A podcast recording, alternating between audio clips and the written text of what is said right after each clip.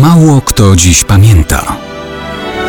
Datownik historyczny prezentuje Maciej Korkuć.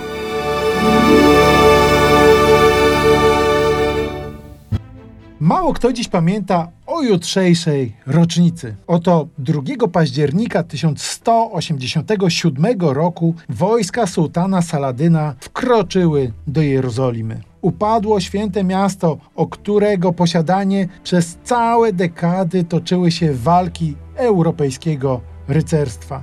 Było tak. Po zdobyciu przez Saladyna twierdzy Askalon staje przed jego obliczem delegacja mieszczan z Jerozolimy. Co ciekawe, dokładnie wtedy, nagle w środku dnia zapadają ciemności.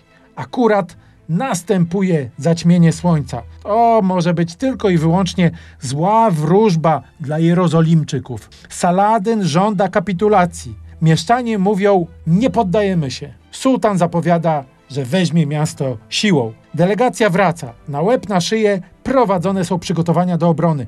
Dowództwo przejmuje Balian z Ibelinu. Ma trudne zadanie. Do Jerozolimy bowiem przybywa mnóstwo uciekinierów, ale mężczyzn zdolnych do walki jest niewielu. Statystycznie wypada 1 na 50 kobiet i dzieci. Balian nadaje godności rycerskie wszystkim szlachetnie urodzonym chłopcom mającym powyżej 16 lat i części mieszczan. Rozdaje broń wszystkim mężczyznom. Pierwszy atak Saladyna rozbija się więc o zacięty opór i silne umocnienia Jerozolimy. Po pięciu dniach sułtan pozoruje zwijanie tegoż oblężenia, ale z innej strony miasta muzułmańscy saperzy rozsadzają mury, tworząc wielki wyłom. W tym miejscu dochodzi więc do szaleńczych walk obronnych. Rycerze dokonują cudów męstwa, ale jest ich zbyt mało, żeby utrzymać pozycję.